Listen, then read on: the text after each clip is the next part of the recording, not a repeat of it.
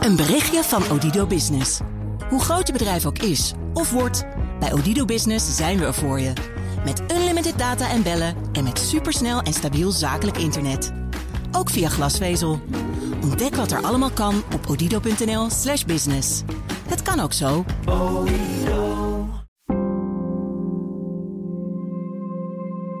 Ik durf mijn geld dan niet eens op een verzoenlijke spaarrekening te zetten, omdat ik denk van, uh, ja, is dat nog wat te vertrouwen?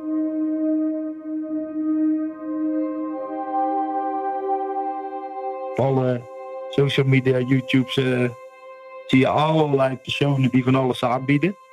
Ja, soms wel lastig om te zien, dat je toch twijfelt van, is het dan wel, is het dan wel echt? Is het iets uh, wat, wat zou kunnen werken? Dit is het tweede seizoen van Achter gesloten deuren. Daarin ontrafel ik, Pauline Schuster, samen met mijn collega Sonny Motke de grote beloftes van influencers. In deze laatste aflevering duiken we in de regelgeving. We proberen antwoord te krijgen op de vraag welke regels gelden er voor influencers. En wat is hun verantwoordelijkheid als ze iemand in laten stappen bij een bedrijf dat dubieus blijkt te zijn? We kijken naar de toezichthouder, de autoriteit Financiële Markten, die een maand nadat Ginta verdween voor bedrijf waarschuwde. En we ontmoeten de eerste finfluencer ooit die is aangepakt door de AFM. Dit is aflevering 4. Een grijs gebied. Laat het maar wel gewoon lopen. Ik wil het zal laten lopen, ja. Ik denk dat je vooral heel veel wind gaat voelen. Ja, hiervan ook hoor, maar ja, is dat want dat hek gaan ze net uit. We zijn in Onna, een klein dorpje onder de rook van Steenwijk. Daar woont Marie Plat, de eerste finfluencer die ooit is aangepakt door de AFM omdat ze een last onder dwangsom opgelegd kreeg. Niet toevalligerwijs gaat het over haar betrokkenheid bij Ginta. Marie Plat is ook een van de influencers die in dit uh, spel een rol hebben gespeeld. Zat niet in de allerhoogste toplaag, voor zover wij kunnen zien. Dat zijn er dus een stuk of vijf die na verluid uh, ook in nauw contact stonden met die uh, Michael.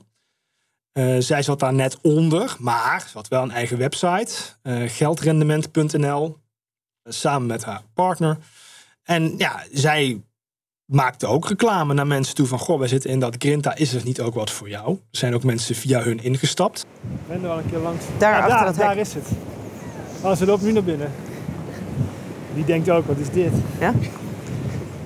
In de verte zien we Marie Plat door de straat lopen met haar hond. We gaan richting haar huis, in de hoop haar te spreken. Hallo. Mag ik u wat vragen? Bent u mevrouw Plat? Wij zijn van het uh, Financiële Dagblad. Ik doe onderzoek voor het Financiële Dagblad. Naar... Marie Plat heeft een tijd onze vragen beantwoord, maar wilde niet voor de microfoon reageren. Ze heeft ook later nooit meer op onze verzoeken tot contact gereageerd. We moeten het dus doen met wat ze ons op dat waaierige erf vertelde. En wat we daar zagen.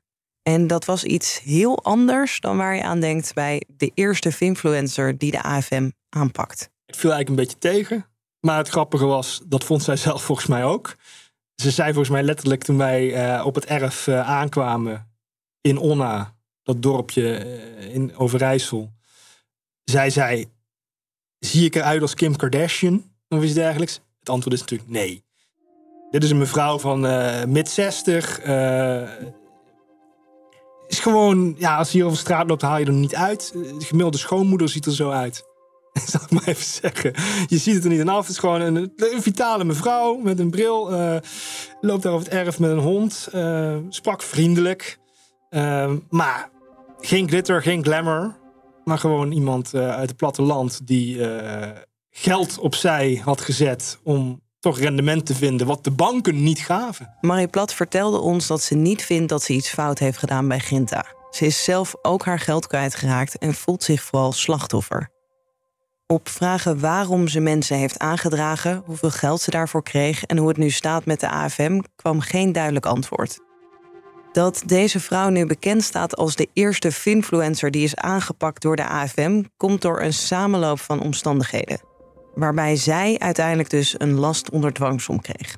Nou, in feite komt het niets meer en niets minder dat die mevrouw niet aan informatieverzoeken heeft voldaan. Dus het is ook een beetje niet echt super spannend. Want als die mevrouw gewoon al eh, bepaalde documenten of bepaalde vragen had beantwoord, dan was dit niet gebeurd. De AFM is op begonnen eind 2021, vlak voordat Grinta op zwart ging met een officieel onderzoek. Dat focuste zich in eerste plaats op Grinta zelf, maar dat loopt natuurlijk snel dood. Het bedrijf stond gevestigd op de Marshall-eilanden, had eh, wel een, een vestiging in het Verenigd Koninkrijk, maar daar is eigenlijk niks te vinden. Dus al vrij snel loop je op een muur, niemand reageert. Wat de AFM toen is gaan doen, is kijken naar hoe kon het zich nou verspreiden in Nederland. Eh, want het was toch, Grinta mocht niet actief zijn. Het bood financiële producten aan, had geen vergunning. En er werd gebruik gemaakt van affiliates. De AFM is vervolgens die influencers op een rij gaan zetten, is tot een tiental ongeveer gekomen in documentatie. En heeft die mensen benaderd en een hele lijst met vragen gestuurd. En basically komt het erop neer. De AFM wil weten alle communicatie tussen de influencers en Grinta. Wat er verdiend is, wat er is beloofd, eh, wat beleggers te horen hebben gekregen, hoe transparant ze daarin waren. Je mag met een aan zekerheid grenzende waarschijnlijkheid stellen dat die andere influencers, die ook wat hoger in de bomen misschien nog zaten, eh, dus wel eh, in ieder geval op informa- informatieverzoeken van de AFM hebben gereageerd. Want die hebben geen last van het dwangsom de boek gekregen.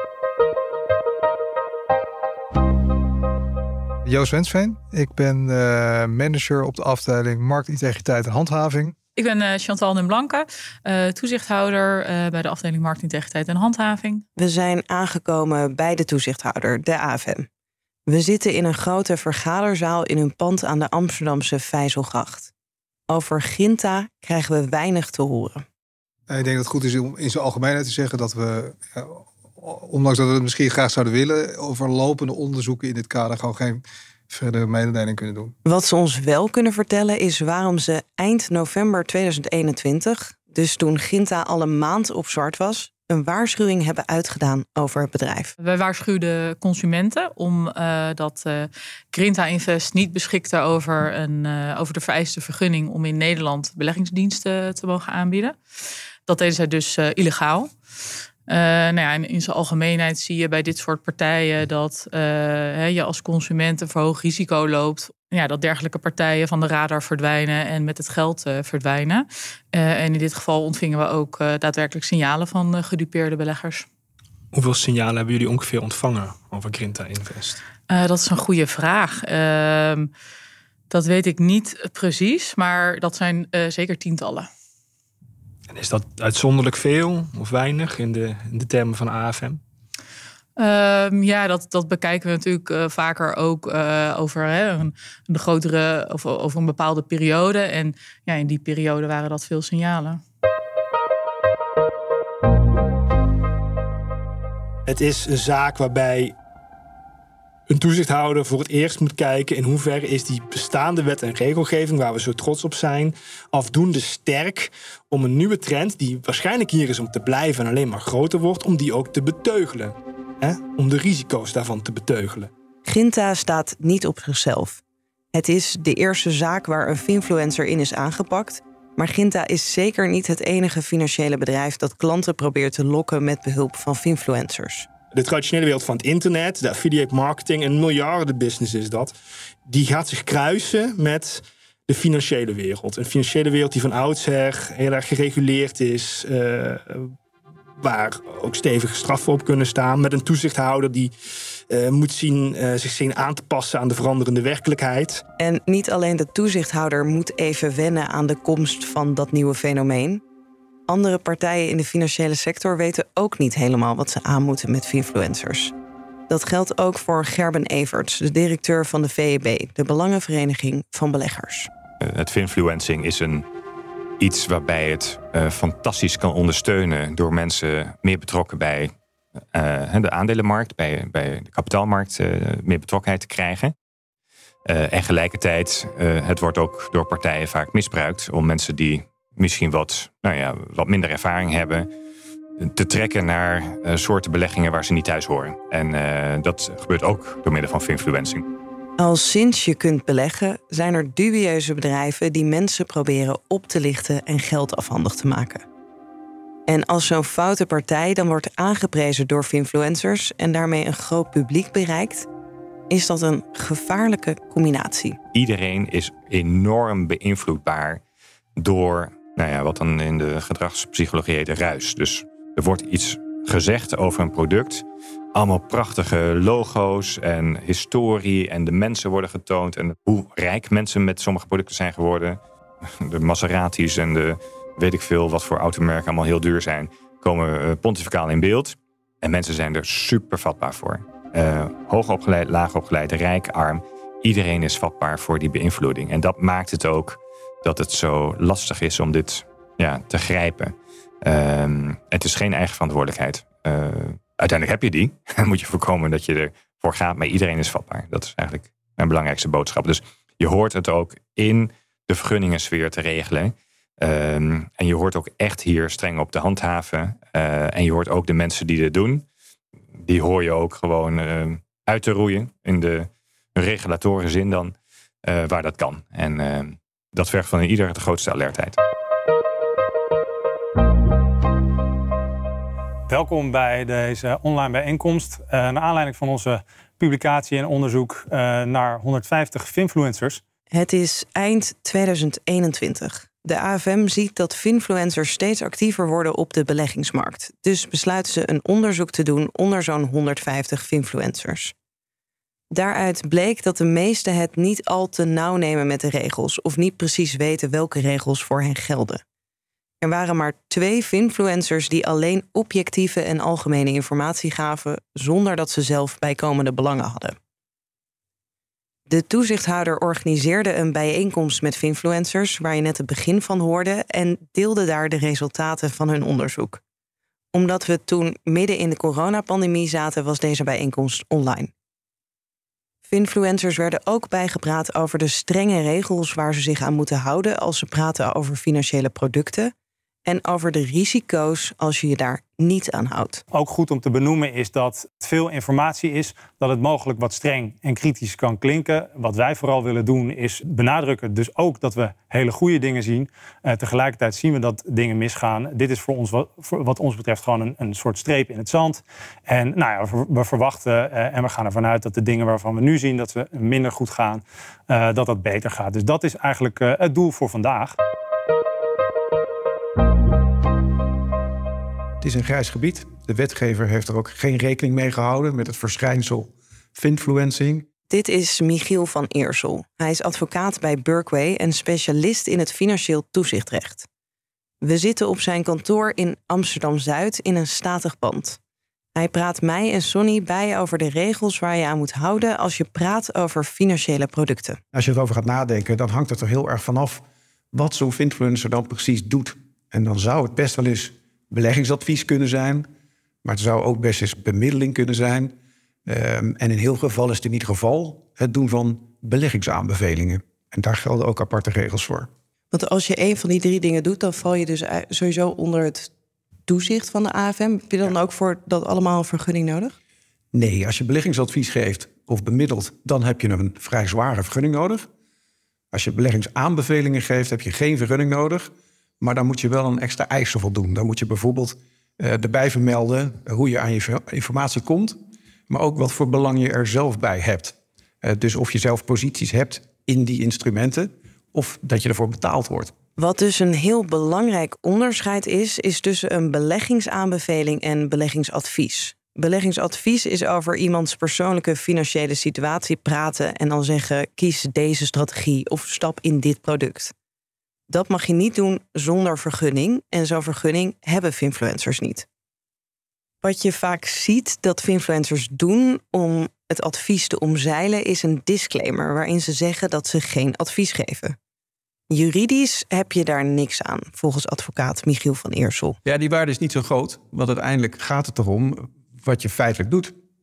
Uh, en als je feitelijk beleggingsadvies geeft, kun je wel zeggen dat je geen beleggingsadvies geeft, maar dan ben je nog steeds beleggingsadvies aan het geven. Dus dat helpt niet. Toen dat onderzoek werd gedaan, eind 2021, had geen enkele influencer een vergunning van de AFM.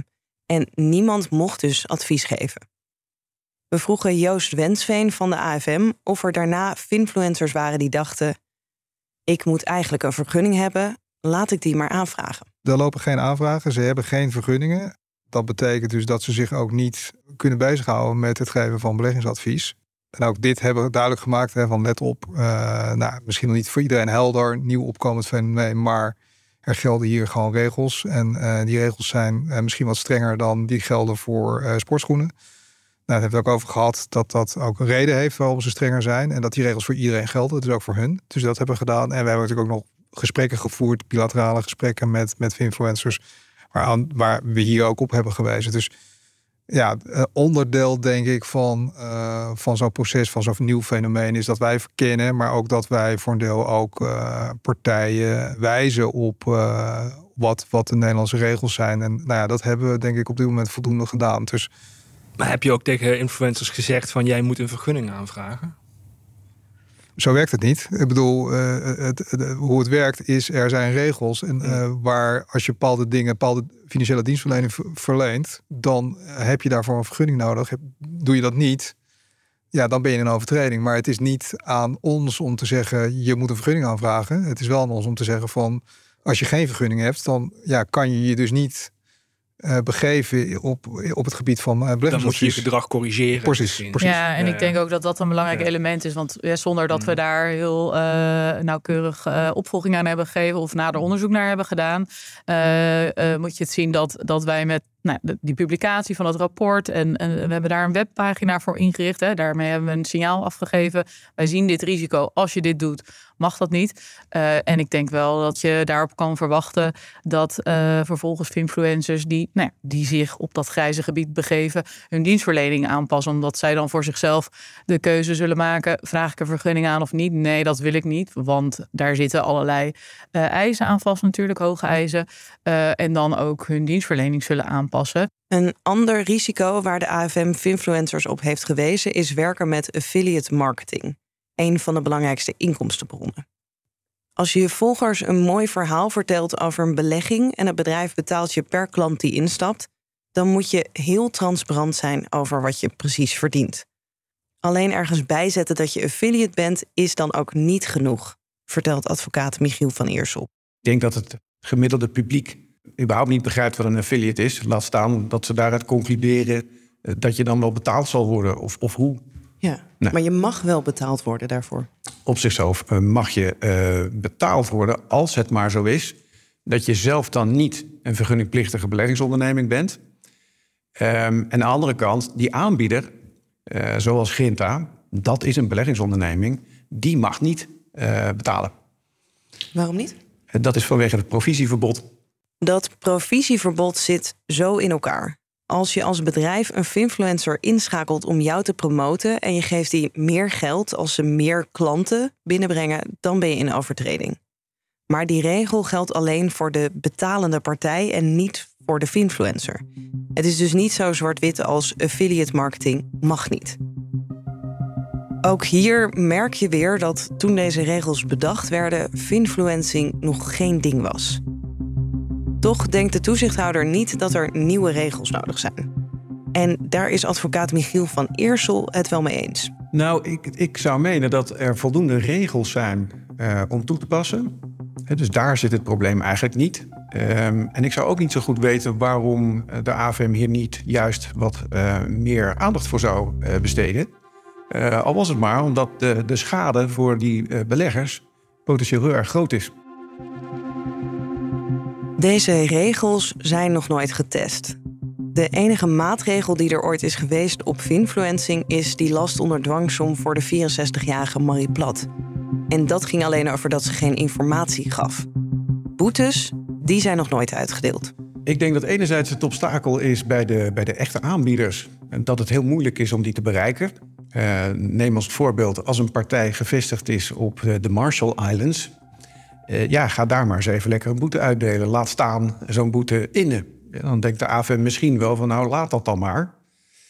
En als je dan gaat kijken naar de finfluencers... nou ja, daar zal dan het probleem eerder zijn van kom er maar achter... en ga het maar goed kwalificeren... en ga dan vervolgens de capaciteit er maar aan besteden. Uh, maar ik verwacht eerlijk gezegd dat dat toch een kwestie van tijd is.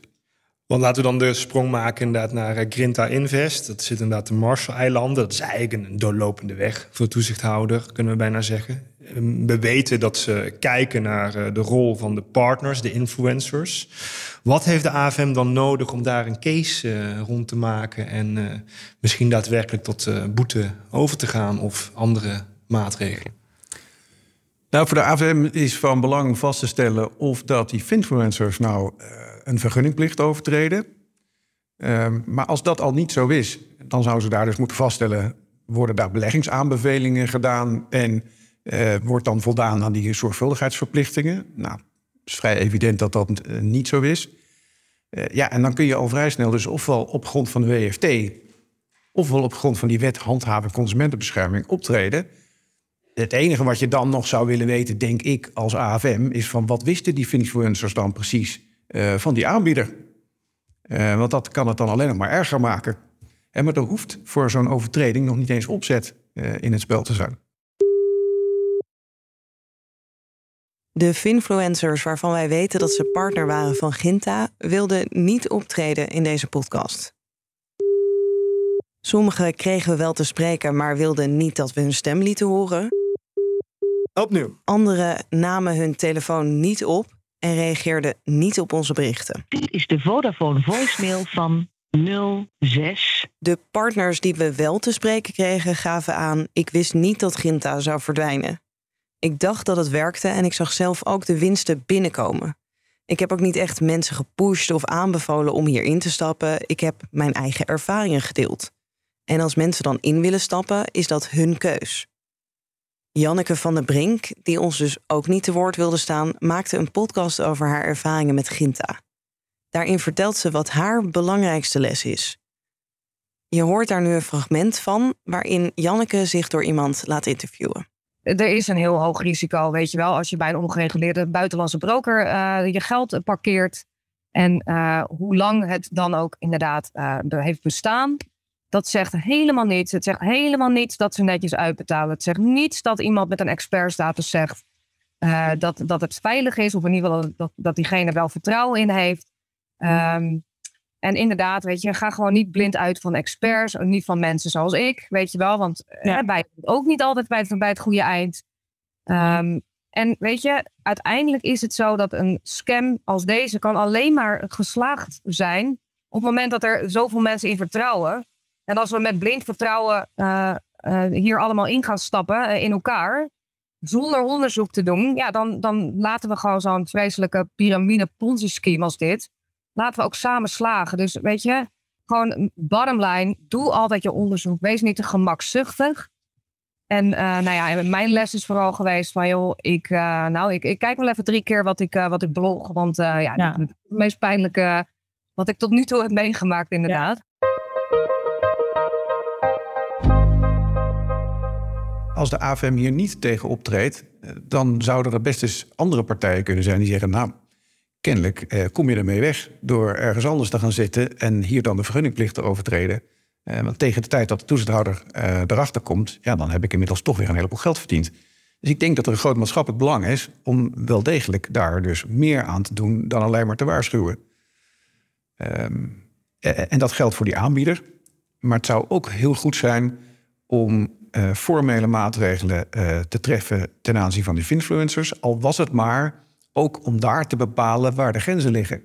Dat is overigens ook voor die influencers van belang, want die komen er daardoor veel beter achter um, wat ze nog wel mogen en wanneer ze de grens overgaan. Het onderzoek naar Ginta loopt nog en zolang dat het geval is, gaat de toezichthouder er geen uitspraken over doen. Wij horen van gedupeerde beleggers dat ze nog steeds worden benaderd door de AFM om informatie aan te leveren. En of het nou Ginta wordt of een andere zaak, eigenlijk wil iedereen dat er actie komt vanuit de toezichthouder. Zelfs vanuit de influencerhoek. Miet Curves, de crypto-ondernemer die je in de eerste aflevering hoorde, zegt dat iedereen eigenlijk een beetje afwacht of er een keer actie komt vanuit de AFM.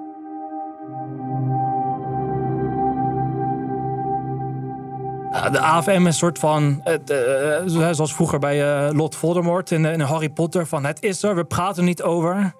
Maar het is ergens een, een, een kwaad dat we niet zien. het, het, het probleem is alleen, als we het op een gegeven moment, als we het gewoon helemaal niet zien, ja, dan, dan ben je ook niet meer bang voor. Snap je? En, en dat heb ik een beetje het gevoel bij het AFM. Ja, we weten dat het er is, we weten dat we niet moeten zeggen. Maar niemand wordt er op zijn vingers getikt, waardoor ehm, iedereen gewoon lekker zijn ding kan, kan, kan doen. Nou, niemand tot op vrij recent, voor het eerst. De AFM pakte daar groot mee uit. We hebben een influencer uit eh, Noordoost-Overijssel te pakken, eh, een mevrouw van 64. Heb je dat ook tot je genomen en dacht je toen van, goh... Ik heb het tot me genomen en ook daarin denk ik van, ja, nou, ik heb het verder eigenlijk helemaal nergens gezien. Het is gewoon business as usual voor, voor de rest. Ja, je zag niet dat mensen hun gedrag gingen aanpassen. Nee. Nee. Nee, en ik denk waar de meeste mensen echt bang voor zijn, vooral de influencers, is echt de, de reactie van het publiek. Hè, gecanceld worden. Ehm, maar ook daarin, ja, mensen hebben, zijn gewoon eendagsvliegen. Hè, die, die vergeten het eh, zo weer wat, voor dingen je hebt gedaan in het verleden. Dat hebben we ook vaker ook gezien. Ehm, waarin, nou ja, goed, mensen hebben hele mooie eh, dingen gepromoot de afgelopen jaren. Of het NFT's, of het gaat om eh, exchanges, platforms die in elkaar zijn gestort.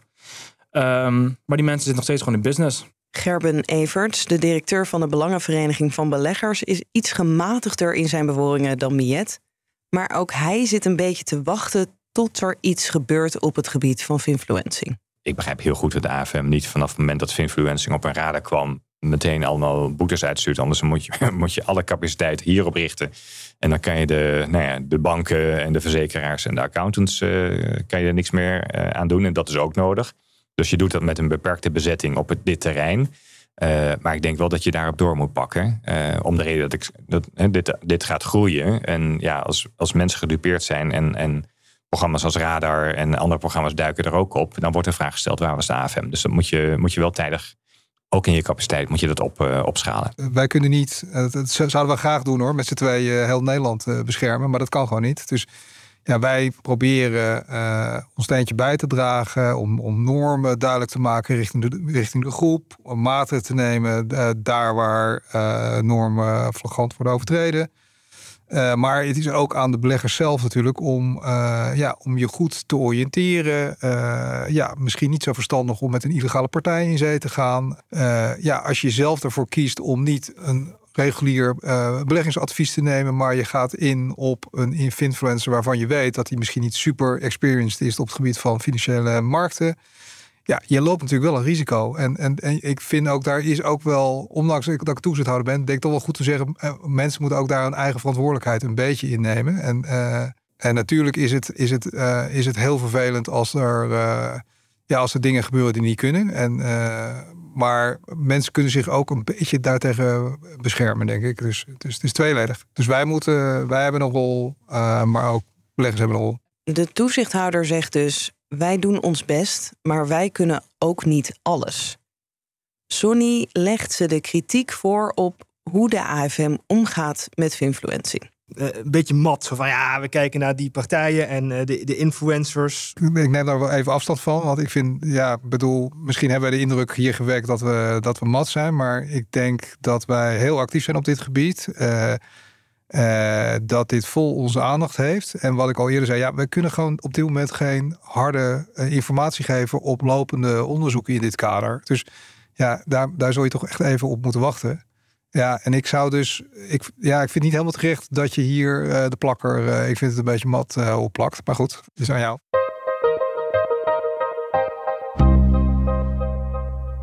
Nou ja, goed, ik heb aangifte gedaan. Dus wat ik vertelde aan het begin van dit verhaal. Aangifte gedaan en daar kwam niks uit. Dus ja, dan op een gegeven moment denk ik van... Ik wil, als, voordat ik ooit eh, weggedragen word... wil ik toch wel het gevoel hebben dat ik, eh, dat ik er alles aan gedaan heb... om te kijken of het ons geld... of niet alleen ik, maar de mensen die geld verloren hebben in Nederland... hun geld eh, terug kunnen krijgen. Of in ieder geval een gedeelte van hun geld terugkrijgen. Dat is mijn streven. We zijn nog één keer terug bij oud-politieman Henk, een van de honderden gedupeerde beleggers.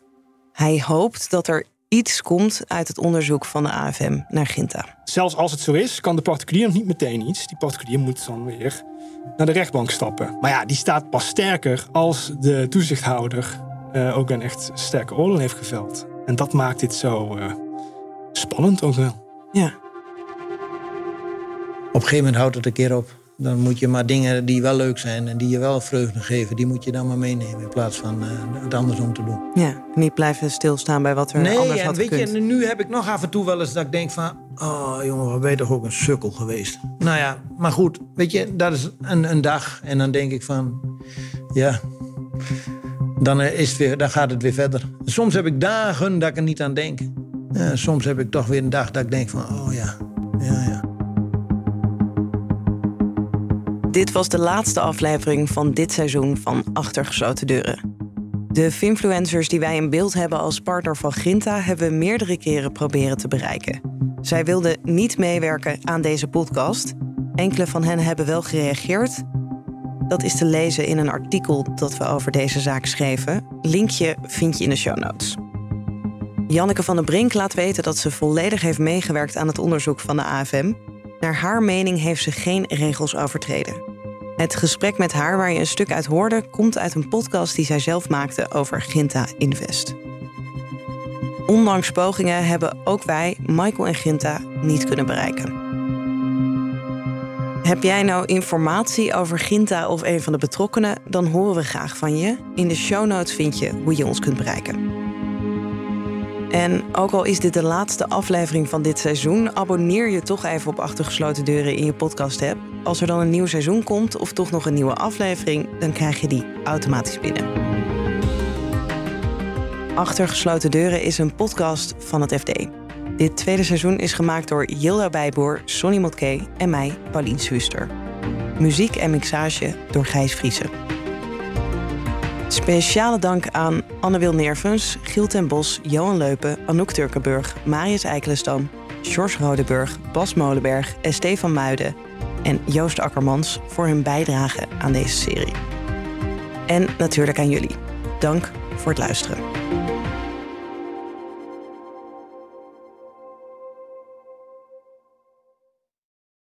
Een berichtje van Odido Business. Hoe groot je bedrijf ook is of wordt, bij Odido Business zijn we er voor je. Met unlimited data en bellen en met supersnel en stabiel zakelijk internet. Ook via glasvezel.